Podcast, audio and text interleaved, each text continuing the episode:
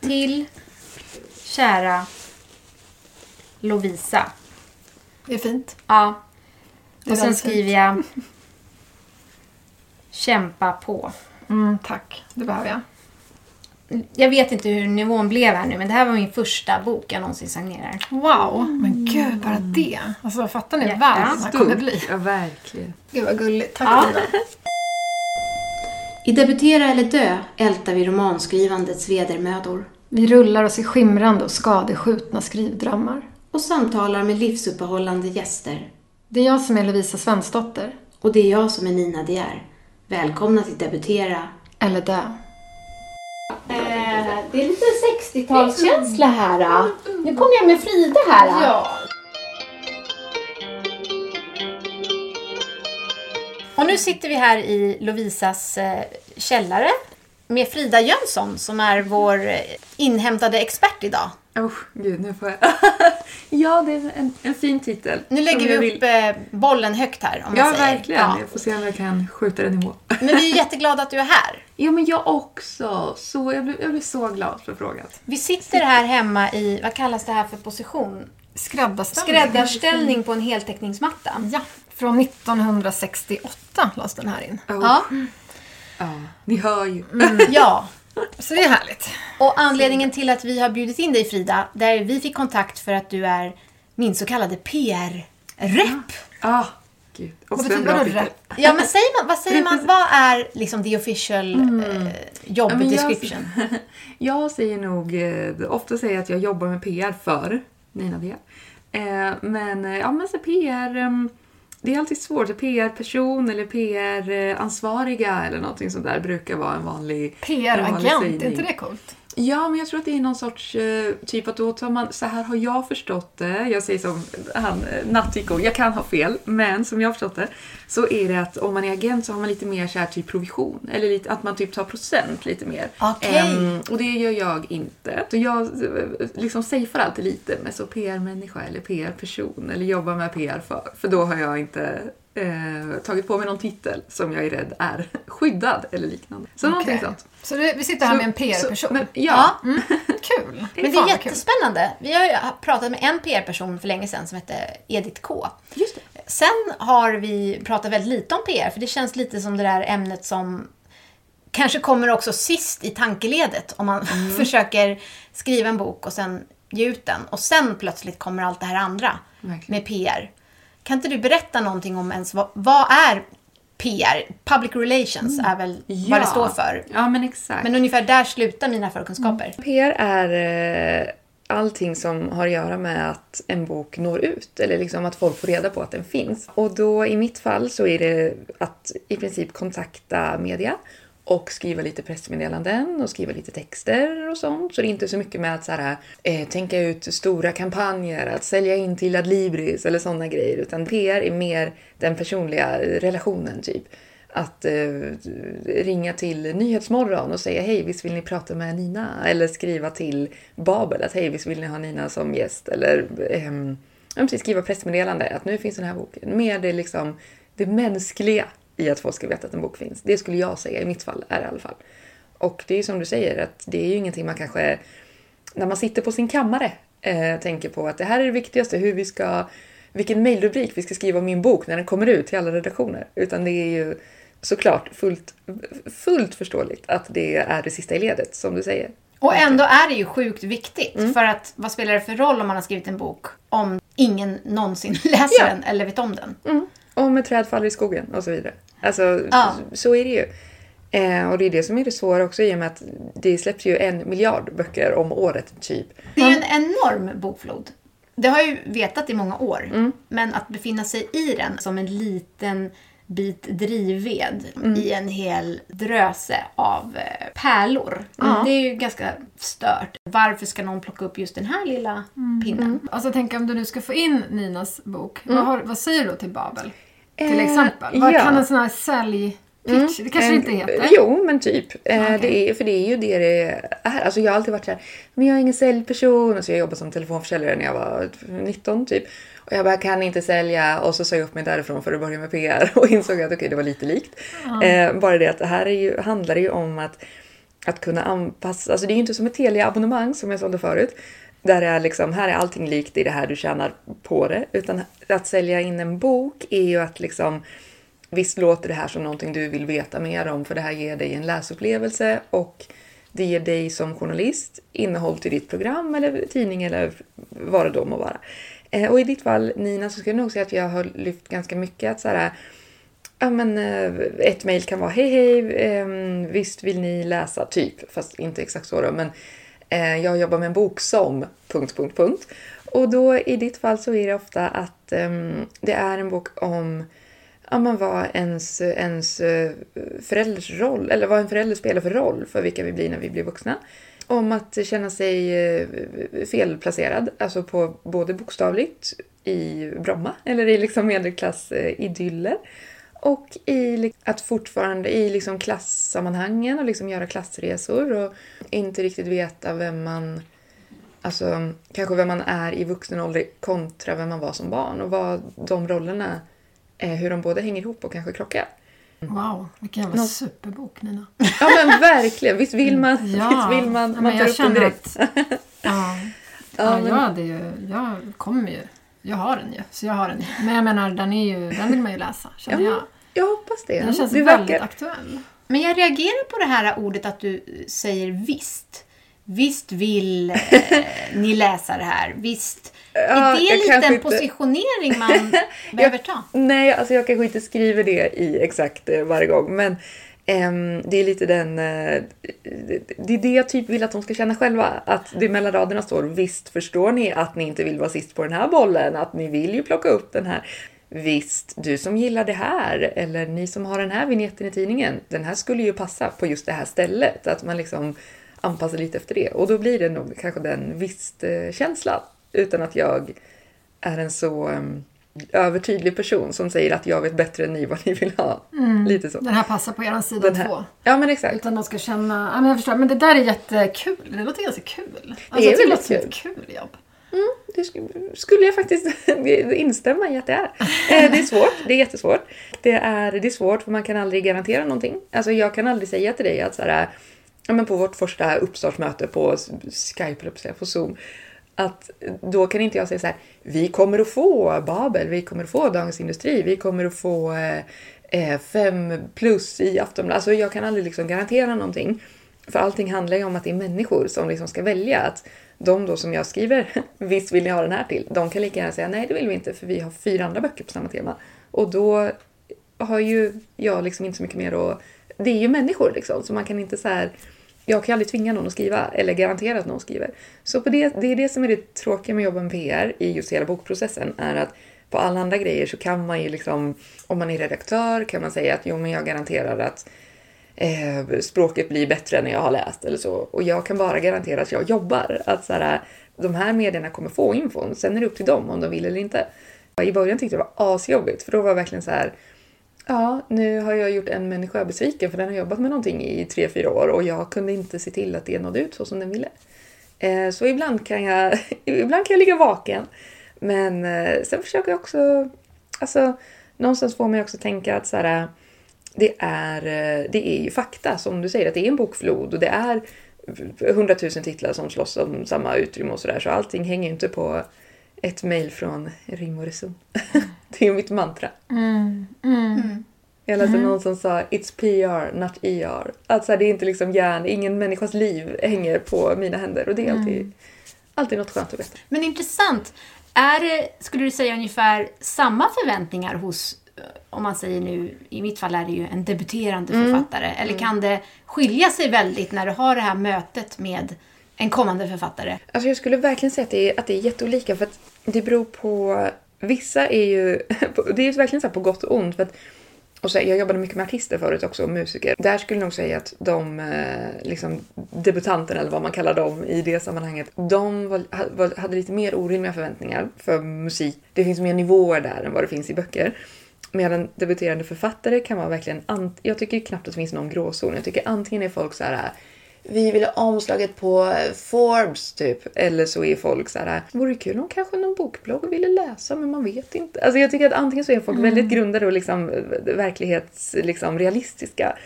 Eller så är det tvärtom. Att det är liksom, vart är mitt augustpris Ja, men ungefär. där är väl jag och Nina. Var är det? Men jag tycker inte alls ni är det. Jag tycker, alltså vet du, du har ju varit väldigt så här. Jag tycker bara under hela vårt liksom, samarbete så är det ju så här, tack för allt du gör. Du är ju väldigt så här, eh, jag blir alltid glad när jag får mejla dig för du är väldigt eh, inkännande i att det inte är så enkelt, typ, tycker jag. Alltså du känns väldigt ödmjuk för att, vad ska man säga, det kanske inte går att styra så mycket som man vill, tycker jag. Och det är väl en insikt jag har fått mycket tack vare den här podcasten också. Den, och att försökt debutera då i många år. Att man kanske börjar på någon jättehög häst. Eller jag vet inte häst, men alltså att man ändå... man men måste väl vara alltså lite naiv och ja. bara vilja kasta sig ut. Och Oh, det kommer gå skitbra. Och sen på något sätt så skalas det där ner Ja. till någonting att man verkligen får vara glad för för nästan vad det, vad det än blir. Ja, ja. Ehm, Ja, det, jag tycker verkligen inget intryck av att ni skulle bara sitta och vänta på eh, akademins samtal. Jag tycker ni känns väldigt eh, nej, men så här, grundade. Alltså, Jaha, vad fint. Vad härligt. Men vad skönt att du i alla fall tycker att vi känns som grundade personer. Alltså, Det det tycker jag var fint rent psykologiskt för mig just nu. Jätteskönt att höra som människa. gud vad underbart. Oh, det var faktiskt ganska skönt. Det är Men verkligen inte alla som har. Ja. Men kan vi prata lite om det, den här... Vad vill du prata om Du nu? vill För jag räcka upp handen nu. Nu vill Lovisa räcka Ja, upp handen. ja, för jag, vill bara, jag vill liksom bara fråga, så även om nu vi är väldigt grundade som personer, Mm. vilket vi ju är uppenbarligen, så undrar jag ändå hur kan PR bereda vägen för ett Augustpris? Eller andra Oh. priser? Du vill ändå in lite ändå mer in på den här Du vill ändå till vägen. August. Ja. Till exempel, vad är kreddigast? Vart ska man in? Mm. Vad blir det liksom fetast? Ja, men det är nog en eh, alltså 10 000 kronors frågan såklart. Vilken, vart ska vi för att sälja mest eller för att nå ut till flest eller för att och så vidare. Det är också en sak, alltså alla har ju också olika mål med sin PR. Vissa vill ju typ mest så här, ja men verkligen synas och prata om boken i sig och vissa författare är ju jätte, för dem är det viktigare att sälja och för vissa är det viktigare att så här, plantera boken hos någon och liksom att författarskapet som identitet ska liksom ut. Så det är jätte, mer skillnad än vad jag trodde. Jag trodde att det är klart Gud, alla vill att boken... att det är två olika grejer. Jag tänker att det är typ samma. Men Ja. okej, det här är alltså två olika... Ja, men jag skulle säga det. Att jag, jag, jag ser att vissa är verkligen så här, ja men jag vill bara sälja, typ säger det rakt ut. Och, så där. och vissa är så här, ja var det kul om du sålde någonting men det viktiga är ändå att jag vill profilera mig. Alltså, man, ja, Ja, för i vårt lite- fall med Ninas bok är det väl liksom, jag tycker ju att Nina, hon behöver sälja. Alltså rent ekonomiskt Ja. just nu. För du har en insyn i mitt, Ja. eh, mitt liv. Jag tror alla har det Ja, efter okej. att vi hörde jul, alltså januariavsnittet Ja, så vet ja. ju alla om att din ekonomi är ju en katastrof. Så jag är ganska intresserad av att den här boken säljer. Jag vet att för Nina är det jätteviktigt med identitet. Mm. Men kan man på något sätt varva de två? Det, jag tror det går att lösa. Eh, men jag tror att alltså, på ett sätt kanske man kan säga att alla såklart är intresserade av att sälja, men vissa är mer explicita med att det är liksom pengarna vi måste jaga.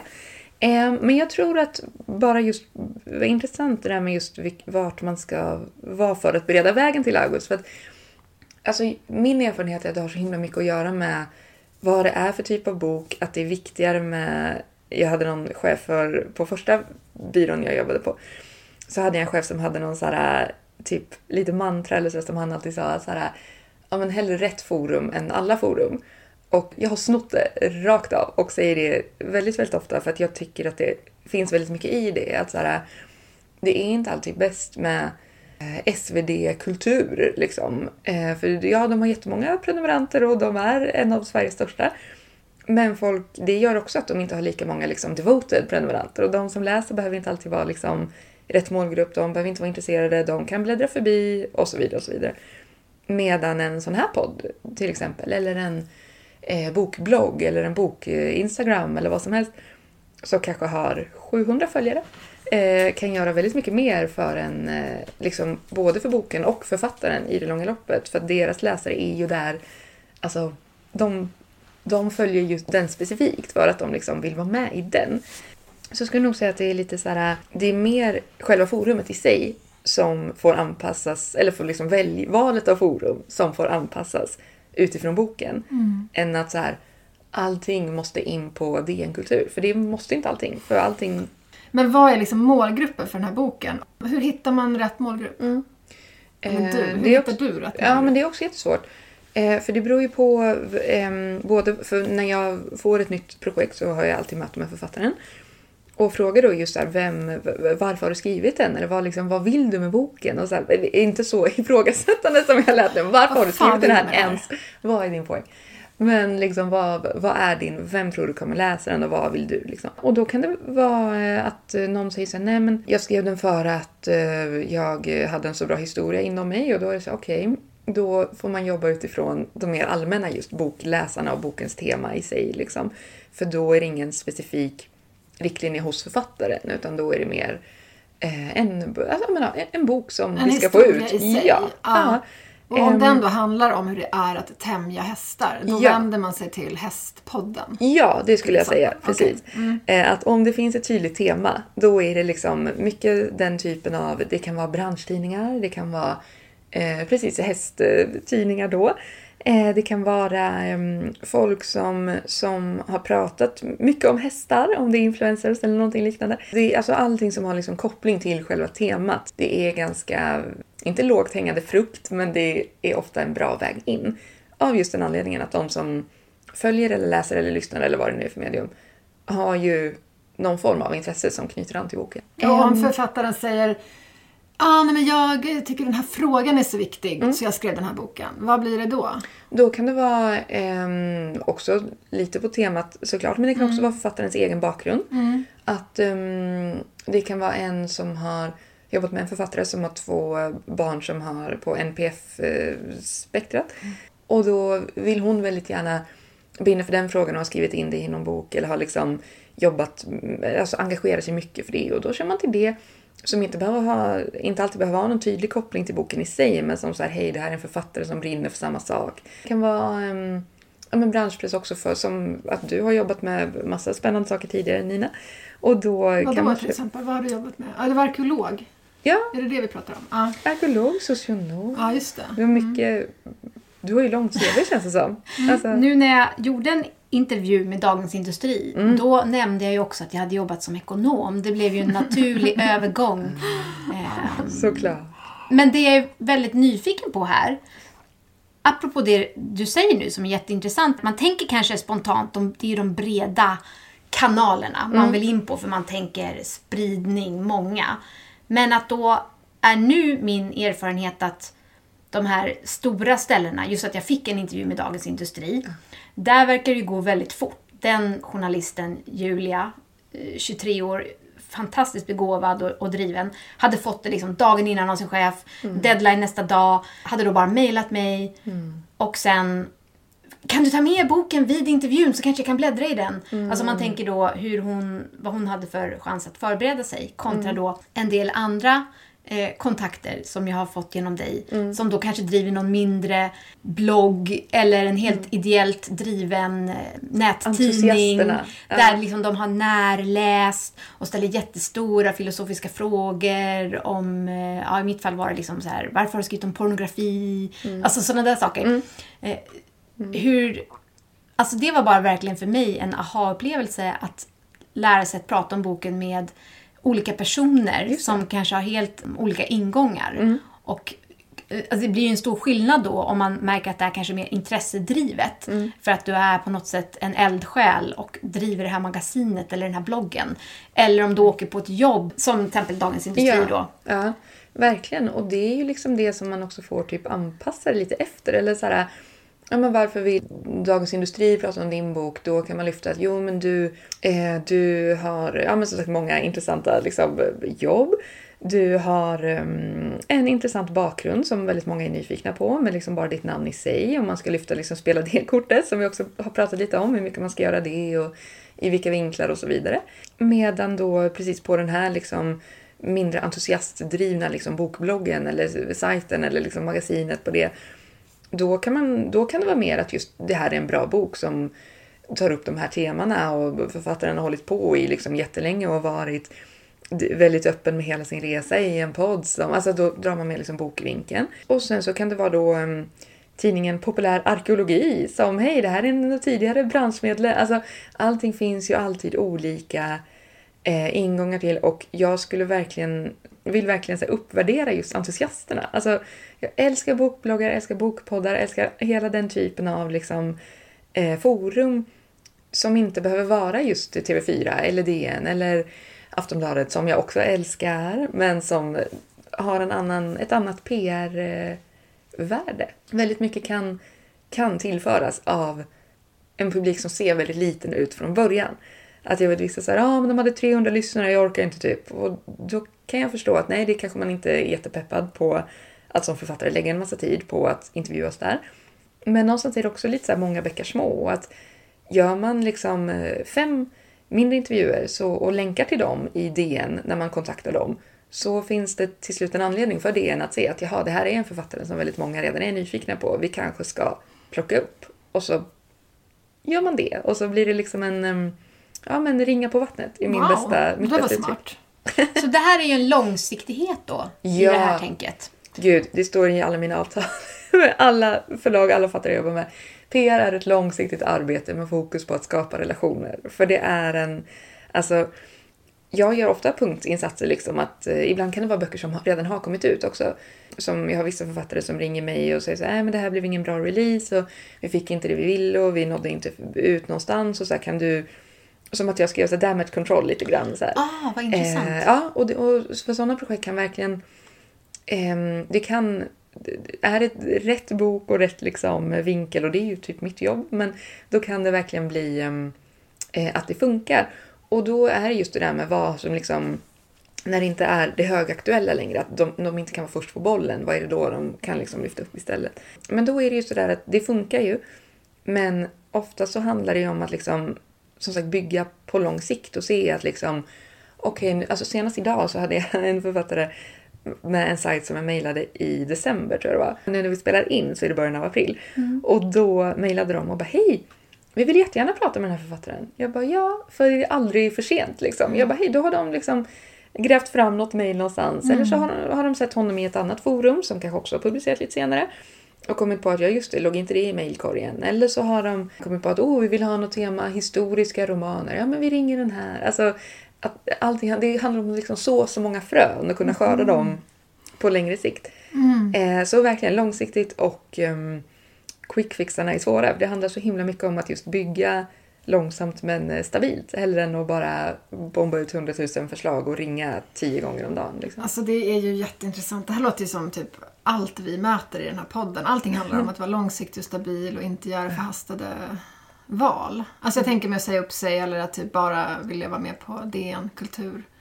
Det ska, ska man inte heller underskatta Nej, såklart. nej, men bara intressant liksom hur många människor det finns i världen som har ett helt annat tempo. Bara en parentes, en parentes. Men Nina, får jag fråga dig då? Alltså jag tänker det är väl flera som debuterar, antar jag. Och jag tänkte kolla med dig då, när du får så här helt olika typer av intervjuer nu. Alltså som till exempel Dagens Industri och sen en liten, liten podd som har 200 lyssnare som är jättespecifika.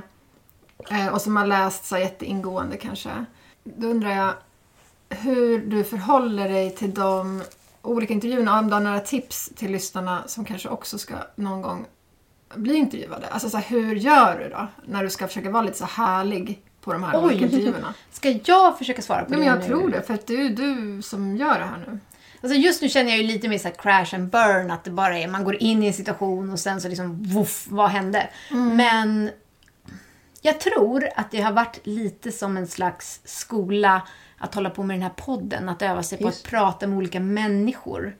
Och det är ju inte alla som man kanske känner att det blir eh, superpersonkemi eller att det klickar eller att ibland går det ju väldigt bara naturligt och andra gånger så kan det ju kännas lite mer tungrot. Men min spaning hittills är ju att journalister eller människor som på något sätt intresserar sig för böcker verkar vara väldigt begåvade och bra på det här. Att även om jag kanske säger saker i fel följd eller att det inte flyter på så är de ju väldigt bra på att Ja. eh, liksom dri, driva på. Och eh, jag tycker hittills att de, så har de liksom plockat upp det och satt ihop det Du har inte haft någon sätt. så här katastrofkänsla? Att du har gått ifrån Nej. och bara vad fan hände? Alltså, Alltså, why did I even?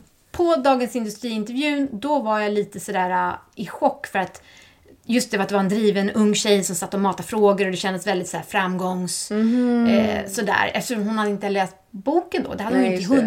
hunnit. Så blev det ju liksom, vi måste hitta vår ingång och då blev det ju mer generellt om att skriva. Mm. Och då satt en fotograf bredvid och så smällde av bilder hela tiden med en sån här enorm systemkamera.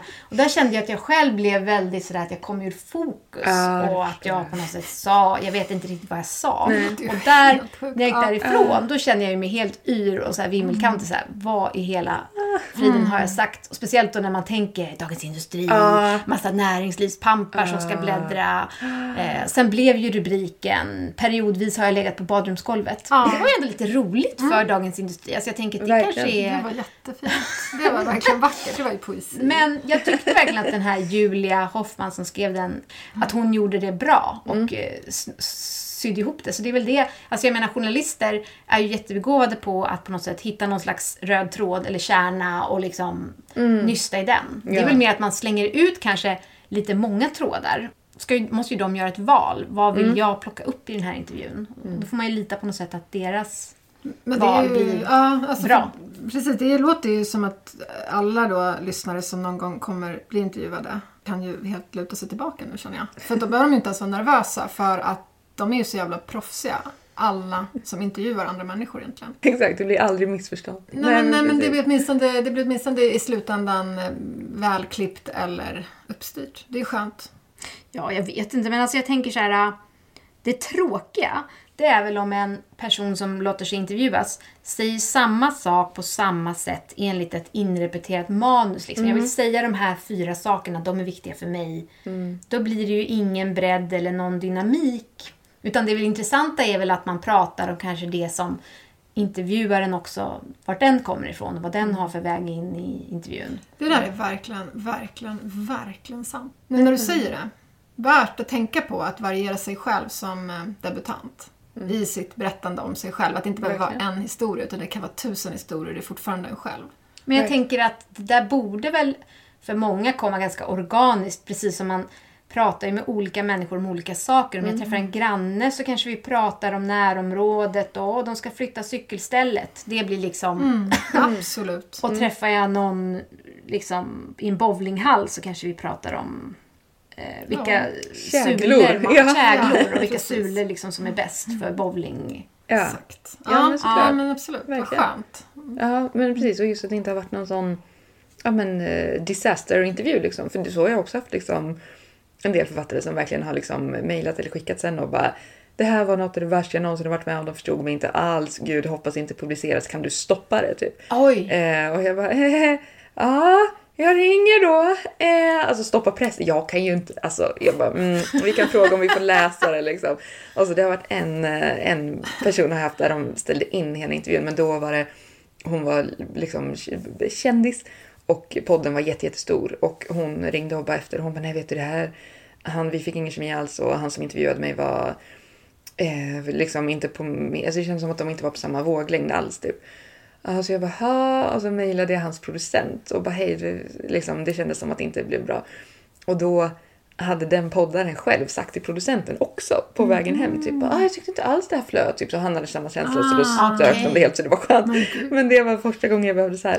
Mm, vi är inte nöjda. Eh, du var säkert jätteduktig men min fatter... Alltså det var som att jag var så här, min klient typ. Att jag Ah. var liksom, så det var jobbigt. Eh, så det kan ju verkligen vara ehm, högt och lågt. Så det var skönt att du inte haft några sådana trauma. Ja, Inte men än. där känner jag ju då att jag kanske har lagt ett högt ansvar liksom på de här journalisterna. För det, det beror ju verkligen på om de på något sätt... Alltså om man har någon slags agg eller illvilja, om man kanske betedde sig jättegrisigt, då kanske de skulle... Mm. Alltså jag tror att i något svagt tillfälle så sa jag typ så här: borgerlig ekonomi är ingen trygghet. för att jag kände mig pressad. Eh, när vi pratade om liksom, vad, vad kan man göra för klassresor i Sverige? Att för många kan ju också det här eh, trygga äktenskapet och eh, man har ett bolån och sådär. Att man kan driva det lite långt jämfört med vad, vad, vad mår man egentligen bäst av. Mm, verkligen. Eh, det kunde ju Vilket- citeras på ett sätt som kanske kunde bli sticka i ögonen i Verkligen. en Dagens Industri-artikel. Men det valde ju hon att inte ta med alls. Ja, Utan hon gjorde en jättefint insats. Ja. narrativ. Ja, Så- det är ju underbart. Ja, Ja. jag känner just nu liksom kudos till journalister att de verkar ju oftast vilja väl. Ja, alltså det är ju det där, det lever ju kvar någon tycker jag att så här, Att ibland när jag jobbar med vissa författare som har skrivit så jätteharmlösa böcker om liksom vad som helst. Att de bara, så får vi se hur det vinklas och så drar drevet igång. Jag bara nej, alltså de har ingen, nej, nej, nej, du är ju inte liksom, eh, Martin inte med. Alltså det blir ju bra oftast. Eller så här. Men kan vi prata lite om det? Jag har tänkt lite på så här, den gamla dängan att all publicitet är bra. Ja. Publicitet. Jag tänker nu, vi har ju ett helt annat klimat liksom efter metoo, cancelkulturen. Hur, hur har det förändrats? Alltså, jag tycker absolut inte och har aldrig tyckt att all publicitet är bra. För det, alltså det, det är det ju inte. Det är ju en myt typ. Alltså, eller det är knappt en myt men det är... Eh, jag tycker inte att det finns att man alls kan säga så utan allting... Nu ställs det ju väldigt, som du säger, sen ganska många Alltså både uppmärksammade liksom, händelser och uppmärksammade personer i största allmänhet som inte har behövt ha en specifik liksom, skandal utan som bara har liksom, ja, men, eh, ertappats med att vara ganska osofta människor. Eh, att det har liksom förändrats ganska mycket. Jag tycker att nu ställs ju jättemycket krav på allt från liksom, stora företag som inte har någon policy för eh, etiska frågor till liksom enskilda personer. Att alltid säg, välja rätt ordval eller vad som helst. Och det, jag skulle nog säga att det spelar faktiskt ganska stor roll hur man, vad man säger i sina egna sociala kanaler och hur man liksom vad ens bok kanske handlar om och vad man själv eh, går runt och liksom sprider för budskap eller så. så just den eh, all publicitet är bra tycker jag inte alls går att applicera på liksom 2020-talets medievärld alls.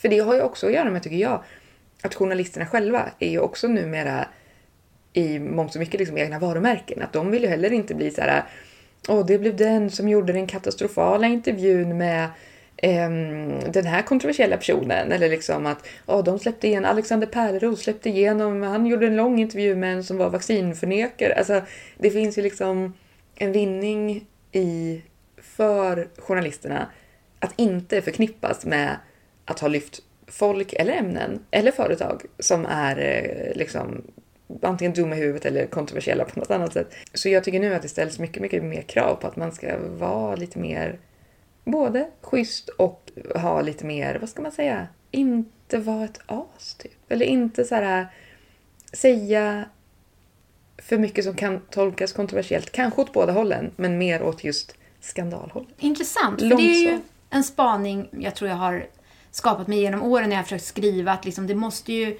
vara obekvämt på något sätt för att det ska bli bra Såklart. litteratur. Att man måste hänga ut sin smutstvätt eller sin skitiga buk. Buk. Men inte vara ett as. Exakt.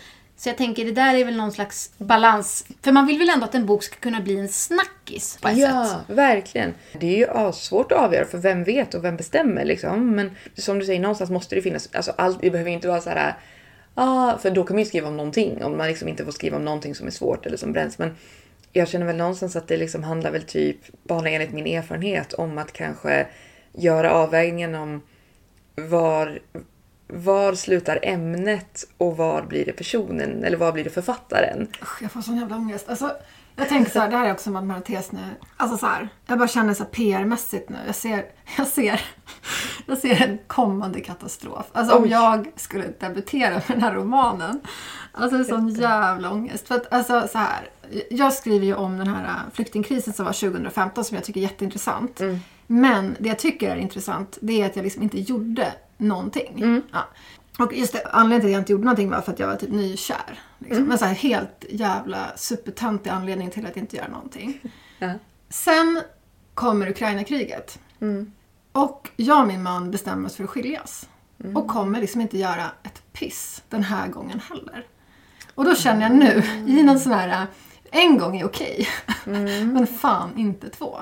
Så att i en sån här PR-situation, i någon sån här intervju, så bara, ja, men jag, det startade med att jag liksom hade så dåligt samvete för att jag inte gjorde någonting och ville verkligen fånga den här äh, medelklassgrejen att man vill så mycket men man pallar inte så att man gör inget. Okej, en gång är okej, men inte två. Vad Alltså, så gjorde du nu då? Ingenting heller? Ingenting. För Punkt. nu, Nej. istället för att vara nykär, så var jag mitt i en skilsmässa. Mm. Som också är så här asbanalt och... Alltså i det stora hela helt idiotisk anledning till att inte rädda människor Mm. på flykt eller ta in en flyktingfamilj eller inte fan vet jag. Mm. Alltså jag bara känner, vad fan gör man då i en sån här PR-situation? Man får ju bara lägga ner. Alltså, Men du är ju också, om jag får säga det, som jag också, eh, känslostyrd. Att du tänker så här, jag ska köra ner med min lilla, vad är det för märke du har på din bil? Jag vet inte vad det heter, men det är en väldigt liten bil. Men Hur många sittplatser? Det är eh, fem, men det är tre säkerhetsbälten som funkar. Mm. Så du, så här, det du ville göra, det var ju liksom att köra ner till kriget, hämta folk. Alltså du vill ju vara Ja. väldigt hands-on Ja. och sen kommer livet emellan. Du har ju, Precis. ditt vi, yngsta skulle, barn är... vi skulle till Åre och jag tänkte men vi skickar upp barnen dit. Vi hade beställt den här resan och vi såg för barnen åka upp och så åker jag och Niklas ner. Det här var ändå innan Mm. vi skulle skiljas, så det här har gått ganska snabbt också som allting annat. Då skulle jag och Niklas ner, tänkte jag, till Ukraina, till gränsen och göra saker så fick barnen åka skidor själva. Men sen åkte vi upp i alla fall tillsammans allihop. Och sen hur många barn har ni gem- Vi gemensamt? har en, Eller, eh, två, alltså alla barn menar jag. tre, nu ska vi se. En, två, tre, fyra som bor hemma. Men Mm. sammanlagt sex är de. Och den yngsta är? Fyra. Ja, alltså jag bara tänker på det här, så här vad kan man göra?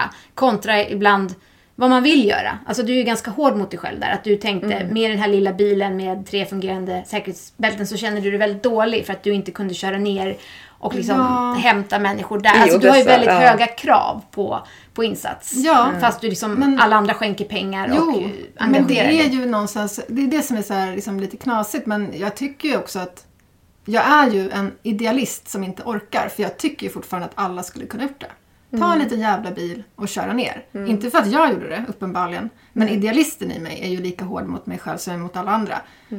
Men jag gör ju ingenting och jag tycker det är så jävla komiskt att det blir samma sak en gång till. Och jättetragiskt och jättepinsamt. Nu när det här går ett andra varv.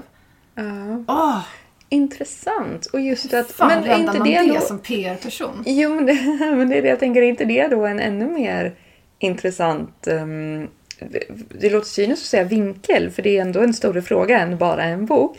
Men i, om man tänker ur PR för din bok synpunkt så är det om något spännande att säga jag skrev den här i ett raseri mot mig själv för att jag var så passiv, för att min egen öde var så viktigt. Och sen gjorde jag samma sak, det vill säga. Alltså det, det kopplas ju ihop. Hemskt. Det- Det är ju jätteroligt. Men jag tycker typ inte att det är det. Jag tycker att det är jätte... Nej, det tycker inte jag alls. Nej. Alltså för det är ju en, Men det är kul. en Det mänsklig... Alltså vet, vet så kan jag ju också känna. Alltså så här... Ja men att man alltid har någon så här... Man har alltid någon anledning att inte göra något. Eller alltid någon anledning att ehm, eh, backa ur från någonting. Eller alltid någon anledning att inte bryta den ovanan man vill bryta. Alltså det finns ju alltid någonting. Det behöver inte vara att man hittar ursäkter men att det kan vara att man, någonting begränsar en. Inte att man tänker så här, haha, här var mitt kryphål, utan mer så. Och då är det en intressant grej. Hade jag jobbat med din bok nu hade jag nog eh, mer försökt lyfta fram det. Att den här gången gjorde hon ingenting heller fast hon ville. Vad var det som fick henne att göra det? Det är Alltså- obekväma. Exakt, det är, o- precis. Det här är det. Passiviteten handlar den här. Det här är en roman om passivitet och medmänsklighet. Går de sakerna hand i hand? Eller är vi bara idealister som är lata? Så man kan vända... Läs Lovisas bok, här kommer den. Visst vill ni ha henne som gäst? Just det. Alltså, Allt man kan Frida. vända vad som helst till någonting positivt. Till en vinkel för att sälja boken. Det är ändå väldigt positivt i det hela. Det är väl det enda som är positivt med den här historien. Men vad intressant att höra att man kan vända eh, saker till någonting annat än vad de faktiskt är. Det är fantastiskt. Nej, men på tal om just eh, eh,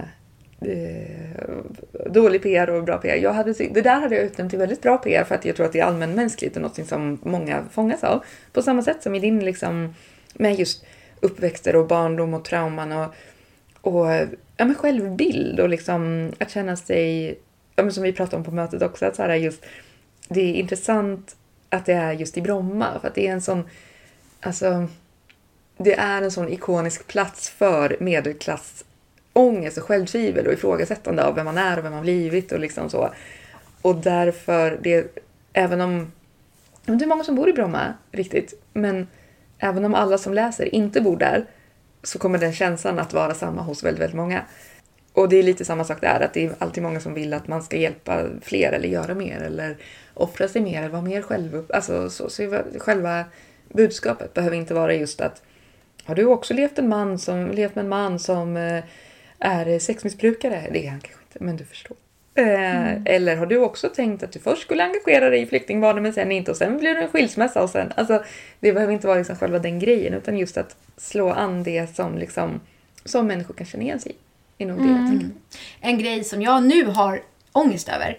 eh, Det är ändå lite ångesttema vi Ja, gillar vi att jobbar ner med det här, ja. Ja, det är ju att jag har skrivit om outhärdliga mammor i, till viss del. Alltså det här när man känner sig främmande fast man då är förälder själv. Att det finns väldigt höga krav och hög nivå. Och gröna juicer och ja, men allt det här.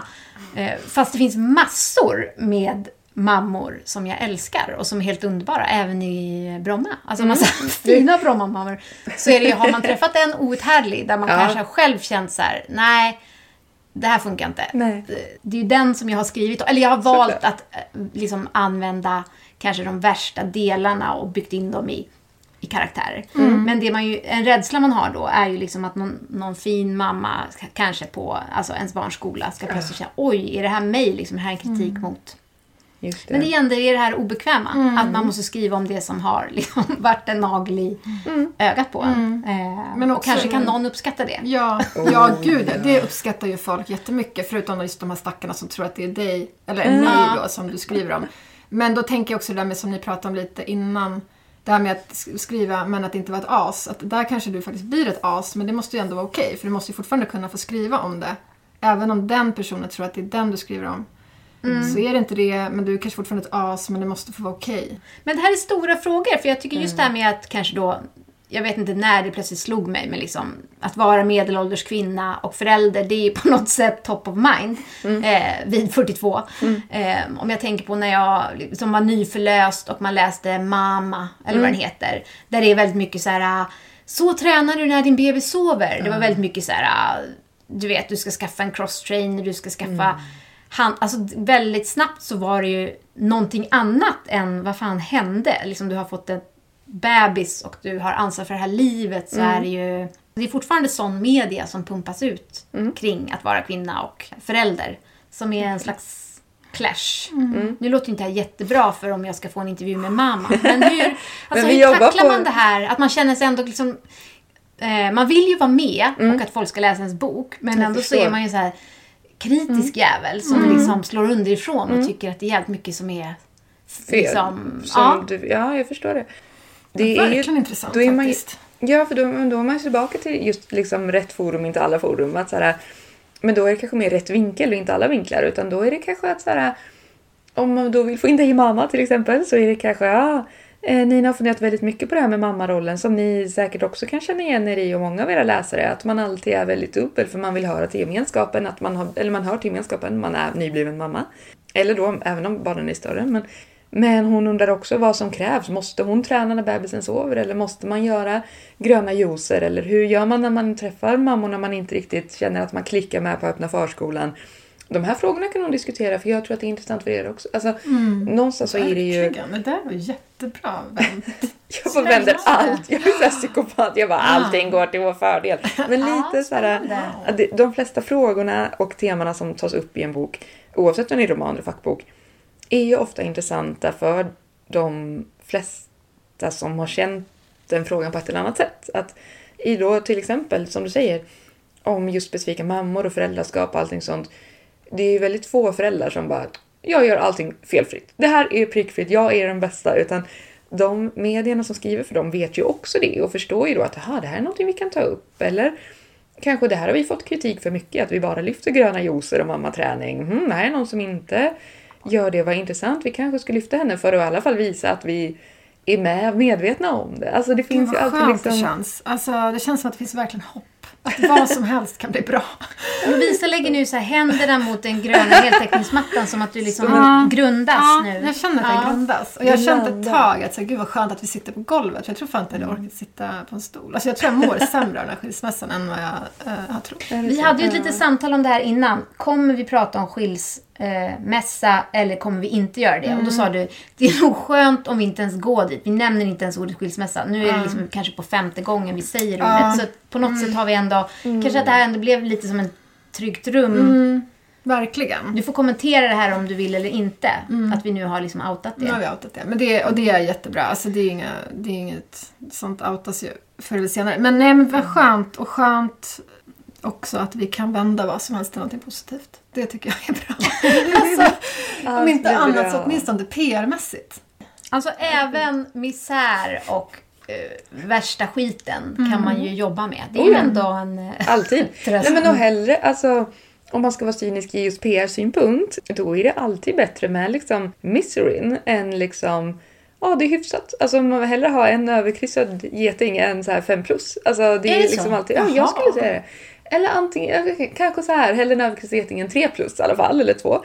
För hellre liksom, någonstans så finns ju det här det kan man också alltid säga, myten om den glada konstnären, alltså är det bra att kan man skriva när man är lycklig eller inte? Det finns ju också en miljon eh, åsikter och teorier. Men någonstans är ju miserin mer liksom intressant. Alltså, det är fler som kan, eh, kanske för att man inte lyfter den lika ofta. Alltså, att det är eh, lättare tycker jag att jobba med både böcker och personer som lyfter liksom lite svårare eh, ämnen eller just som du säger de här krockande tankarna om liksom eh, ens självbild eller ens eh, omgivning eller vad som helst är lättare att göra intressanta än så här det här är en bok om ny förälskelse, det är så himla härligt när man är precis ihop med någon. Alla bara, ah, det är det. Och så, alltså, svårare att lyfta fram sånt. Men är det, alltså jag trodde ändå att det var lite så att vi gick mot mer feelgood och deckare ändå. Att vi har ett ganska liksom, tufft samhällsklimat så att många har ju sökt sig till litteratur som kanske är mer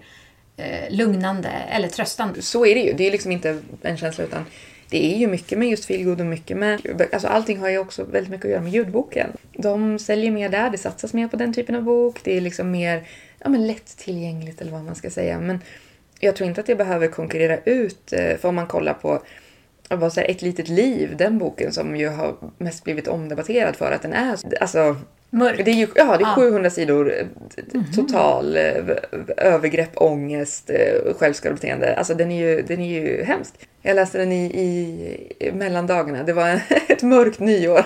Oj. Men ehm, Ja. den har något, verkligen. Alltså, den, åh. Men att liksom den, ehm, den aspekten eh, finns ju ändå kvar. Att man vill, man, någonstans lockas man ju ändå till liksom, det finns alltid en, en publik för mörkret. Eller vad man ska säga. Så jag tror absolut inte att det är på, på utdöende för att liksom feelgood de genrerna har tagit över som, eller har liksom blivit större. Utan visst finns det, visst finns det sommarsorger. Eh, har en, en egen plats såklart. Verkligen. Ja, vad fint. Men nu fick ju vi lite förhandsinformation här, eller precis innan vi satte på micken, att du faktiskt också har gett ut en bok, vilket Ja. jag inte visste. Ja, Så du har ju ändå också varit på den andra sidan av det här. Mm. Ja men det har jag. Eh, och då var jag ju också väldigt, eh, alltså då var jag ju verkligen så här. För då jobbade jag med förlaget och de jobbade med en extern PR-person. Alltså det, de jobbade med typ mig fast en annan person då liksom. Och då var jag ju så här, alltså jag har aldrig varit så typ imponerad av någons jobb som jag var då. För jag vet hur mycket det krävdes för att vi skulle få Nyhetsmorgon eller QX eller liksom de intervjuerna vi fick. Jag var så lycklig för det är jättesvårt. Och jag skulle absolut inte kunna göra så mycket PR själv tror jag. Du får berätta lite. Du har skrivit en bok om Alcazar. Ja, ja, jag är ju världens största Alcazar-fan. Alltså folk tror att jag skämtar när jag säger att det är mitt bästa band, men det är mitt bästa band. Eh, och jag har, det har varit min så barndoms... Ah, gud, jag älskar dem så mycket. Eh, och då så tyckte jag, har ju följt dem liksom genom alla år och tyckte att de var, liksom så, de var jätteintressant på tal om miserin. Att de var så intressant historia. Det är liksom droger, det är sjukdomar, det är separationer, det är liksom brutna vänskapsband. Det är en väldigt eh, så här, eh, en episk berättelse om relationer i princip. Så har jag gått i flera år och bara varför har ingen skrivit en bok om dem? Det finns biografier om alla utom Alex. Så då frågade jag dem och jag mejlade deras manager och bara ja visst, på tal om att fråga visst. Jag bara visst vill ni skriva en bok? De bara ja. Eh, och så tog vi lite möten och så blev det av. Men vad fint att du har liksom släppt en bok och liksom vet hur det är, alltså som författare och sen också att du jobbar med PR. Det måste ju vara Det- jätteskönt för både dig och alla du samarbetar med att du har den, de två liksom perspektiven också. Det är ju faktiskt bra. Ja, men det tror jag också. Eh, För jag vet, eh, som sagt, jag vet hur glad man blir när man får mycket PR, men jag vet också hur, hur eh, mycket man då som författare måste göra för att det ska bli bra. Alltså, det är säkert en bra sån... Men det gör ju som sagt att jag har ju svårt att, vad ska man säga, jag har svårt att kräva så mycket av mig själv som PR-person som jag kanske hade gjort om jag inte hade släppt den. För då hade jag varit så hur svårt kan det vara? Säkert. Men nu så vet jag hur svårt det var för dem säkert att få in oss på olika ställen och då blir man mer tacksam. Men jag tänker, du jobbar ju, du har ju en egen firma Mm. som heter Rim och Reson. Och sen så tar du då, om man säger, kallar man det frilansuppdrag Ja, då? ja, exakt. För du har liksom inga fasta samarbeten med förlag utan det, det är då per pers, liksom, olika personer eller profiler Mm. som du tar jobb för. Är det då så att du kan liksom välja och vraka? Du kan tacka nej? Ja, gud, eller? I wish att jag kunde välja och vraka. Eh, nej men för jag har liksom, eh, jag har en del, alltså inte fasta liksom på pappret så, men en del liksom återkommande förlag som jag jobbar med mer eller mindre varje säsong liksom. Och då brukar det vara att de liksom, nu innan jag gick hit så var det ett förlag som skrev så här, hej här är höstkatalogen, välj ungefär. Då var det välj och vraka. Jag bara, okej okay, jag tar den som är liksom bra. Och sånt är ju roligt. Men sen har jag också eh, både då just författare som kommer själva eller förlag som är så här, vi har den här titeln, det är det vanligaste. Att liksom, vi har den här eller de här. Kan du göra en antingen punktinsats med liksom bara jobba med poddar och bloggar typ. Eller eh, kan du bara göra ett utskicksregister? Det är också ibland så här, hej kan du gräva fram adresserna till de här 200 som vi skickar ut det till? Så är det eh, gräva i alla eh, register och alla eh, birthday och eniro och alla sådana ställen. Och ibland så är det då att hej kan du göra all PR, liksom både press och, och um, blogg och podd och hit och dit. Eh, så det är ganska olika liksom, former av uppdrag. Så ibland så får jag välja, men eh, oftast så, så är det liksom specifika titlar som de vill ha hjälp med. Eh, så det är väldigt ja, men, olika upplägg och olika liksom, omfattning. Ibland är det, kan du jobba en månad, ibland är det, kan du jobba fyra månader och ibland är det så här, någon författare som kommer och bara vill så här, hej jag har släppt fem böcker men jag känner inte att det har lossnat och jag har inte blivit rätt. Alltså jag har en ny sida av mig själv som jag vill att vi ska lyfta mer med. Som vill jobba långsiktigt och bygga liksom ett författarskap. Liksom. Alltså, så det kan vara väldigt fan, olika. Kan inte du PRa podden Debutera eller dö? alltså för att det är ju asjobbigt. Jag tror att det kostar. jo, man kan men jag, men jag, jag, skulle uppgradera din titel till ja. PR-agent. Ja, kanske. Och ja, du hade, present. Ja, det, jag, Då skulle du kunna PRa podden. Det hade jag, jag har PRat, eller jag har sålt eh, annonser på poddar ett, en gång i tiden för länge sedan. Då var jag PR, eller då var jag liksom agent. Men det var, eh, då var det ju sponsorskap, liksom. det var ju aus svårt. Eh, men att, att däremot, det, alltså jag har gjort podd-PR också. Och då var, det, då var det just en av mina författare som startade en podd. Och då ville hon ha bara PR för den. Det var eh, Denise Rudberg och Mikaela Bley. De startade en podd som var as. Jag sörjer att den har gått i graven. Den var skitbra. Men och sen Denise Rudberg och Anders Delamotte har också haft en podd där jag bara gjort PR för dem. Att liksom eh, mer försöka få uppmärksamhet kring podden och vad den handlar om. Liksom. Eh, så det skulle jag absolut kunna göra. För det är lite det. Jag har ju ändå varit inne i just poddvinkeln på, på eh, inför Ninas bok nu.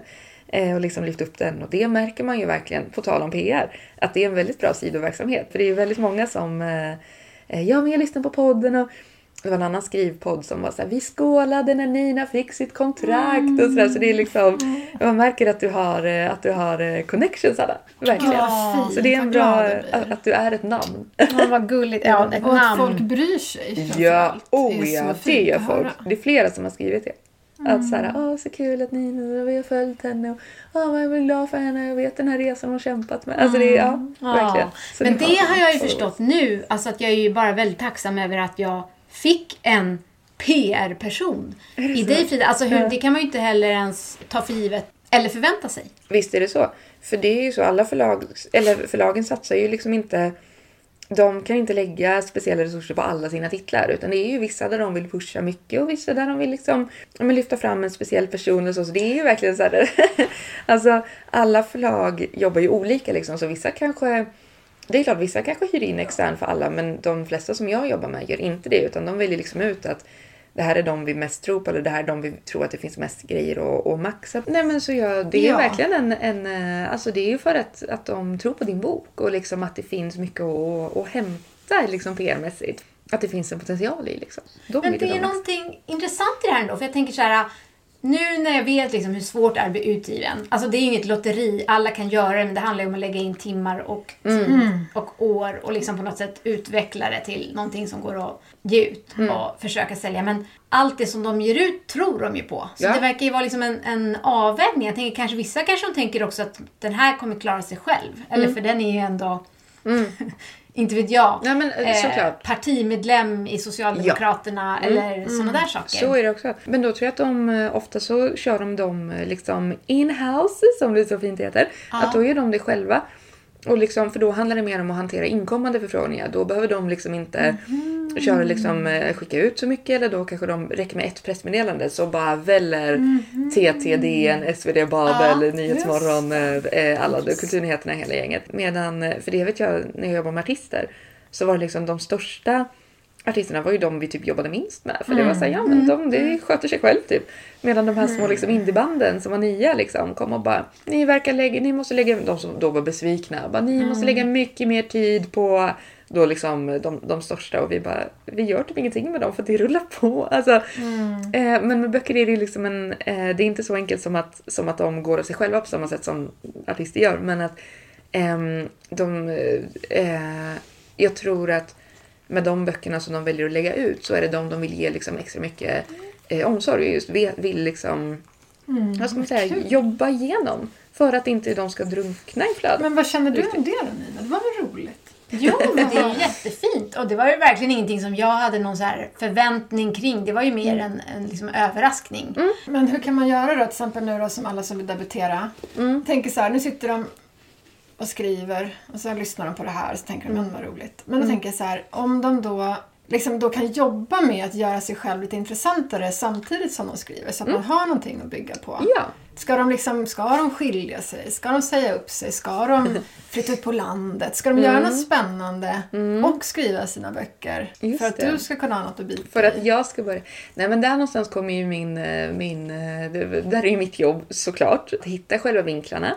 Men det jag tror att man kan göra är att som författare är däremot att vara lite så här... Eh, men typ lite... Lite insatt låter så himla eh, tråkigt men att helt enkelt... Men som jag märker att, liksom, att ni verkligen är, att ni har koll och ni... Ja, men att, att läsa lite, in, över, överlag alltså läsa intervjuer är fan underskattat. Jag tycker inte alls att många författare verkar göra det. Men lite så här bara läsa vanliga intervjuer och vad brukar kunna vara en bra samtalspunkt och vad, alltså hur gör jag för att folk ska förstå hur intressant min bok är? Inte att man själv ska behöva hitta vinklarna för det är ju jag, det fakturerar ju jag för. Men att kanske gå lite, lära sig typ zooma ut sig själv och sitt eget arbete och sitt eget skapande och skrivande. Att liksom tänka ut lite, okej hur ska jag berätta om den här boken? Om jag nu får vara med i liksom eh, eh, radio eller en TV, eh, vilket ju är jätteovanligt, men en liksom tidning eller vad som helst. Vad ska jag då säga om Att man typ ja, men så tänker lite grann och kanske agerar utifrån det. Att så här, man behöver inte sitta och tänka på hisspitch så fort man sätter sig vid datorn och öppnar sitt Word-dokument. Men att man kan liksom, jag tror att det hjälper en också i själva jobbet med sin bok. Att liksom hela tiden ha i huvudet att vad är det för bok och varför är den intressant och varför är jag intressant och vad är det som finns i min bok som jag vill nå ut för? Vad kände jag när jag fick idén och varför är det just det jag vill skriva om? Men det är lite som att så här, för att kunna skriva en roman ska man läsa romaner. För att kunna bli intervjuad ska man läsa intervjuer. Lite, så. ja. Sen är det alltid svårt, så här, hur mycket varumärke ska man behöva vara som författare? Det är ju en helt egen diskussion som behöver också egna poddavsnitt. Men att ändå någonstans liksom, om man är debutant så är man ju oftast ganska peppad på den här världen och den här liksom, eh, branschen. Och då tror jag att eh, man någonstans lite per automatik kanske tänker i de banorna. Och då är det en bra, en, en, alltså, vad ska man säga, är ett bra utgångsläge att ha, tror jag. Att ha vadå? En, Alltså ha den medvetenheten i att, ja men alltså medvetenheten i att så här, vad är det jag vill med boken och vad vill jag säga och vilka tankar har jag runt den? För jag tror att, som sagt, man har nog ändå de tankarna någonstans i sig. Och då tror jag att det kan bli liksom, både för ens egen skull i jobbet med boken och för eh, ett PR-arbete kan bli lättare. Men som sagt, sen kommer ju jag in och det är jag som ska göra det hårda jobbet. Men att bara ha, ha några sådana stolpar i huvudet ibland Ja. tror jag är rätt bra. Det, det, det hårda jobbet blir ju mitt sen att sälja in dessa stolpar till, paketera dem till DN Kultur och till entusiasterna. Nej, men det är ju ett fantastiskt hårt jobb du gör. Jag är jättetacksam och eh, inspirerad. Och det är verkligen inga lätta frågor här. Det där med att fundera på sin bok och varför man har skrivit den och hitta många vägar in. Det kan ju låta liksom som att det är lätt, men... Eh, Det är jättesvårt. nej. Nej. Nej men visst är det så att eh, just att ha utifrån på allt man gör i liksom livet är ju alltså varför, ja men det, det, alltså det är existentiellt på ett sätt. Vem är jag? Varför har jag skrivit en bok? Vem tror jag att jag är som kan göra det? Alltså det, allting har ju med liksom självbild och självuppfattning att göra. Jag har också jobbat med författare som bara Alltså jag är en så platt person, jag har ingenting att tillföra, jag vet inte vad jag ska svara, jag är skittråkig, jag har bara skrivit lite. Alltså att man kan liksom gå in i den känslan också. Och det finns liksom ingenting som rätt eller fel. Mm. Jag tänker även om någon som säger så jag är skitplatt och vad ska jag säga? Det kanske mer är en inre känsla än att det behöver vara så. Alltså de Såklart. flesta kan nog Men- utveckla strategier för att prata om Ja. sin bok. Verkligen. Alltså man har Det skrivit en bok. Det är ändå exakt. jättehäftigt. Ja. Men kanske så här, just ifrågasätta bilden av att okej, men om jag hade tyckt att den var så, att jag är så platt och inte har någonting att säga, varför har jag då harvat på med det här projektet så länge? Det är ju någonstans Ja, i det också. ja, Någon drivkraft har man ju i att nöta tangenterna i flera år. Det är korrekt. Det är Men har sant. du väldigt mycket skinn på näsan? Alltså jag tänker, för att göra det här hårda, att gå på folk, det är ju typ egentligen bland det värsta jag vet. Ja, men det är, alltså, det är ju jätte, det är, alltså, jag är så jobbig. alltså, det är jätteroligt, men det är ju också jobbigt. Alltså, Mm. Att jag i tio års tid har suttit och så här. Hej Jessica Gedin, eller inte just hon då, men att, liksom, att jag har hållit på med det här och liksom skickat mejl och ringt och hit och dit. Eh, det- Alltså, det, det är ju drygt liksom. Men jag, och det var lite lättare när jag var på byrå för då var vi flera personer. Då kunde man liksom så. Sen har det också, under de här tio åren så har jag då byggt upp de här relationerna. Så då vet ju de att så här, okej men det här är hon. Vi har ändå skrivit om hennes författare förut så det brukar liksom, det finns någon anledning till att hon hör av sig. Lite så kanske. Ja. Men jag tycker att det är as och det är ju flera som jag tycker är liksom, alltså jag, jag, jag kan outa att jag tycker att eh, just på tal om DN Kultur som har kommit upp flera gånger. Jag har ju en så här, en av mina absoluta favoritförfattare som är Kristoffer Ahlström. Jag var där och jag tycker det är så, så här, varje gång jag ska mejla dem, jag bara jag mejlar alla utom Kristoffer Ahlström. För jag tycker det är så, så här, det har jag gjort några gånger och han har skrivit om ett par av mina författare. Men jag tycker verkligen det är så här. Hej, visst vill du lyfta den här? Jag tycker det är, för jag har ju också så skickat fanmail till honom och sagt jag tycker du är så duktig. Alltså jag har stoppat honom. Ah, alltså jag borde få besöksförbud. Men jag har liksom gått fram på bokmässan, jag har gått fram i tunnelbanan, det är den nivån. Och då vågar jag inte också så här, men jag behöver en bok som kan bli liksom stelare. Så alla hans kollegor går jag på istället. Och jag har ju jättemånga ställen som jag också tycker är lite så här, alltså bara tycker att de är så coola, de som jobbar där. Att jag känner liksom högre tröskel. Att typ Nöjesguiden, alltid Men gud vad härligt gulligt att höra hur mänsklig du är. Att liksom så här, du är lite blyg, du är lite så här knäppt starstruck så du kan inte komma in där nu riktigt få vänta lite grann. Alltså det är ju jätteskönt apropå det här Ja, det med hur, hur just det mörka, nej men den här liksom mänskliga sidan eller lite Ja. tramsiga sidan hos oss finns ju liksom. Även som PR-person. Det låter ju också som att så här, ingen, jag skickar aldrig till DN om mina författare, det gör jag ju. Men att jag tror att jag är ganska bra på att så här, hitta vägar runt som gör att, ja men precis Nöjesguiden, och de har jag väldigt mycket respekt för. Men det finns en journalist som är skittrevlig, då tar jag allting till henne och så blir det bra. Eller att jag också bra att hänvisa till tidigare intervjuer. Att liksom, hej Jonas på Vi läser, kommer du ihåg att du skrev om eh, Eh, Susanne Osten, ja, för i så fall det blev en bra artikel vi skulle skriva om Nina. Alltså att man liksom Okej. lyfter det på det. Och också gillar jag verkligen att, att vara lite så ärlig, transparent med att så här, eh, Fredrik Wikingsson som jag skickade för hundra år sedan till. Jag jobbade med en bok, en gammal dagbok av en änka. Som hon, då, alltså, förlaget gav ut typ tio års dagböcker som en gammal dam hade skrivit. Som typ eh, prosa. Eller som liksom, den, var, den var jättefin. Det var väldigt så enkla dagboksanteckningar av en då gammal dam i Norrland. Ehm, och så fick vi den på vårt bord och jag tänkte okej men vem brukar prata om liksom, eh, vem kan gilla den här typen av bok? Och då något år tidigare hade Fredrik Wikingsson spelat in sitt sommarprat från sin farmors eh, äldreboende. Och han pratade ganska mycket om henne och sådär. Jag bara, men han kan gilla den här. Och jag bara, jag tycker vi ska skicka den till Fredrik Wikingsson. Och så la han upp det, liksom fotade boken och la upp på sin Instagram och bara Bättre än Lars Noréns dagböcker eller något sånt. Och jag bara Ah, det blev ett sånt highlight moment som jag så här fortfarande skröt om det i varje möte väldigt långt efter. Men att just så här se, att, att helt enkelt bara säga till journalisten eller poddaren eller personen varför jag tror att de skulle gilla en viss bok. För då blir det inte så här äh, hetsigt utan då blir det verkligen, äh, när jag jobbar med Susanne Osten, att jag tänkte direkt att okej men vem kan gilla en sån feministisk ikon som själv kan ha någonting att säga liksom. Jo, Kakan Hermansson. Ja, då frågar Kakan Hermansson i hennes podd. Visst vill du ha med Susanne Osten? Och hon svarar på vändande mig. Såklart. Ja! Så jag bara. Gud vad Alltså. Men du måste ju verkligen ha tentakler ute lite överallt och he hela tiden suga upp eh, omvärlden, tolkar jag Mm. det som nu, för att kunna göra de här, eh, eftersom du gjorde det i ditt sommarprat. Ja. Da, da, da. Ja. Ja, gud visst är det så. Men jag, jag är ju en, så- jag är så här gammal. Alltså jag älskar traditionell press. Jag älskar fysiska tidningar. Det är det bästa jag vet. Alltså jag skulle kunna bränna 5000 på Pressbyrån vilken dag som helst.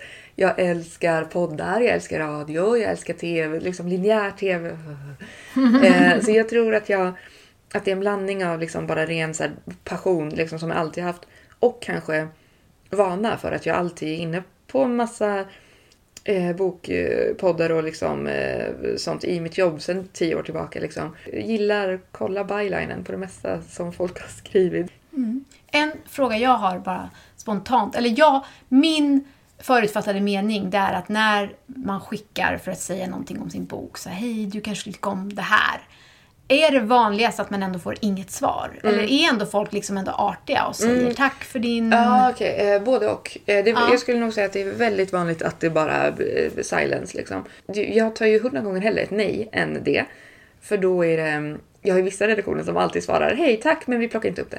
Okej, men då vet jag det. Då kan jag lägga dem Mm. på nej och så går jag vidare. Men det vanligaste är nog skulle jag säga att de inte svarar. Sen kommer hej tack vi ska kolla och då det kan ju också låta som ett nej men lite beroende på, jag har också lärt mig vilka som verkligen menar det och vilka som ofta säger det men sen inte gör. För väldigt många som svarar vi ska kolla menar det verkligen och så kollar de och då kan de återkomma två veckor senare och säga hej vi vill jättegärna. Eller så återkommer de och bara nu har jag kollat och det ville inte.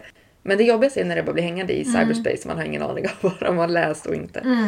Och då är det jobbigt just med mail. Alltså telefon kan man ju höra direkt. Men eftersom att folk inte vill prata i telefon så Nej, jag för det är det. lämnade det liksom ganska Precis. mycket i. Ja, Men jag, jag- brukade ringa mycket förut och följa upp. Men då folk blir så liksom, och det är också samma sak. Det är mer skadligt för författaren och förlaget och mig i längden. Så det är ytterst sällan om det inte finns något så super liksom i vissa fall som det är jätteviktigt eller så. Men oftast så märker jag att de bara nej du kan mejla mig, hejdå! Okej förlåt. Och så vill man inte bränna den bron så då... Jag vet. Men jag köper verkligen det där äh, långsiktiga, att bara ligga i ändå, fast det är det där äh, inget svar. Kanske inte då såklart, man gör bara kanske två mejl och sen låter man det vila. Men jag tänker på, jag minns när jag drog igång den här podden med Johanna de Valiant. Jag skickade ett pressmeddelande till Dagens Nyheter, typ så här DN Ja, Kultur, precis. alltså deras det- ja. generella adress. Ja. Alltså en sån här hemmasnickrad pdf. Ja, men alltså, det hallå, det var ju liksom, Hänger hej den kom och hjälp fortfarande i mig. silence? ehm, Ja, ja, ja, ja, ja. Inget svar, inget svar. Sen kommer jag ihåg att jag och Johanna hade något ganska tidigt gräl om så här, vad har du för förväntningar Nina? Du vill att vi ska vara med i DN, kom igen. Ja. Men det var verkligen redan då min känsla så här, det här, den här skiten ska in i DN. Ja, Och nu har podden omnämnts där tror jag, Ja. tre gånger. Så att alltså, bra. det har, det har ju till slut blivit så. Ja, så är det ju. Fast det såklart var total liksom, radiotystnad. Ja men så är det ju ofta. Som sagt, det krävs liksom... Allting krävs ju upprepad bearbetning liksom. Och allting eh, är också som sagt, om du då sa... Eh, det kan ju vara att en liksom bok, eh, just den här titeln passar inte, men sen så nästa bok kan ju vara skitintressant för dem. Eller ehm, den här gången, det kan ju också handla jättemycket om konkurrens. Att nu kommer det tre titlar det här året av, eh, eller om samma tema, eller av folk som är liksom lite liknande och sådär. Då de valde de någon annan. Men om ett halvår när de ska lista de bästa eh, pocketarna som kommer inför julledigheten, då kanske de plockar upp den här. Alltså, man vet liksom aldrig. så det är ju bara att liksom nöta med, med respekt och liksom just erkänna av hur mycket och kanske byta person, byta journalist, byta redaktör, byta... Alltså om inte, um, om inte kulturen nappar, då kanske det finns på DN insidan, då kanske psykologisidan nappar, eller hälsa, eller eh, ekonomisidan om man vill så. Alltså om man bara tänker på de stora tidningarna, nu var DN bara ett exempel, men om man tänker på Aftonbladet, liksom, de har sina boksidor. Men de har också relationssidor, de har också debatt, de har eh, nyhetssidor, de har välmående. Alltså, allting, det finns ju ofta liksom olika ingångar på, för att få ut en bok som inte behöver vara just typiska recensionssidan eller typiska så. Utan, och det då är man ju tillbaka till det där med att liksom, vad har författaren för intressant att säga och vad har boken för olika teman. Så ja, inte stirra sig blind på liksom rätt, jag får säkert ta för Ahlström, men just som ett exempel, utan att det kan även funka på ekonomiskribenten eller hälsoskribenten eller vad man nu vill. Ja, men intressant. Men det är väl lite det här också med att bara skriva en bok, då måste man ju tro att man har någonting att säga. Så det får man liksom hålla i och eh, hålla, hålla fast vid, även i PR-delen. Ja, verkligen. Precis. Jag tänker nu att jag skulle till exempel, nu sitter jag och tänker på bouppdelningen till exempel. Att jag, vi sitter ju i vårt sovrum nu. Och att det här rummet ska plockas ner och att det ska bouppdelas. Då tänker jag så här, gud vad skönt. Det kommer ändå gå att göra något bra av, alltså det kommer ändå gå att göra PR av det. Och gör content. Sen, alltså av så. vad Det blir en skilsmässoroman sen efter flyktingkris. Ja, och om inte annat så kanske på skilsmässosidorna på DN. Om det nu finns en sån sektion så skulle jag kunna komma in. DN insidan, lätt. Hon, skilsmässan blev en, oh ja, verkligen. Alltså, För det är jävligt Det är mycket- tungt liksom. Men Man, Ja. Jag tänker nu, alltså det gäller inte bara mig, men jag tänker så här, alla som försöker skriva. Man jobbar under så många år med någonting. Vi pratade med Gudrun Furumark eh, om det också. Så, men att hon hade ju liksom livet. Vi bara, hur var det att skriva den här boken? Berätta! Hon bara, ja, så det var ju en miljon olika saker som hann hända. Bland annat så skilde jag mig. Alltså, så att processen är ju så här, eh, upp och ner. Och då är det ju skönt menar jag också för alla som skriver, nu säger det till alla som skriver, att, att hur jävla mörk den är under perioder så kommer det alltid gå för eh, PR-Frida att läsa det efterhand. Gud, det ska jag ha på min Så- hemsida som en sån, eh, vad heter det, ord om, röster om, Exakt. betyg och allting. Det ska jag ha. Det går alltid för PR-fil att läsa. Ja, fint. Ja. Alltid. Men alltså Ja. tusen tack Frida Nej. Jönsson Tack på Rim och. Reson för att du kom och delade med dig av eh, dina expertkunskaper. Jag måste ändå säga att det här kändes väldigt Ja, expertigt. verkligen. Va? Ja, verkligen Ja. expertigt. Gud så fint. Åh, det ska jag också ta med. Okej, Åh. kul! It's a wrap! Ja, verkligen.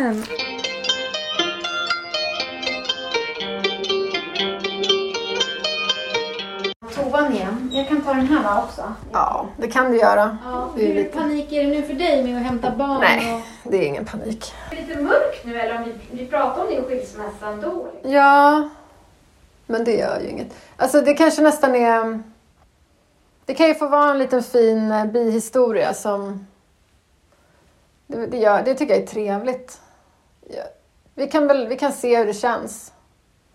Ja. Um, vad härligt att du, att du kissar med öppen dörr. Ja, förlåt. Nej, det är men... konstigt. Nej. Så här, plats. Jag känner mig så trygg liksom. Ja, men det är jätteskönt alltså att du gör det. Och det är ja, inga konstigheter.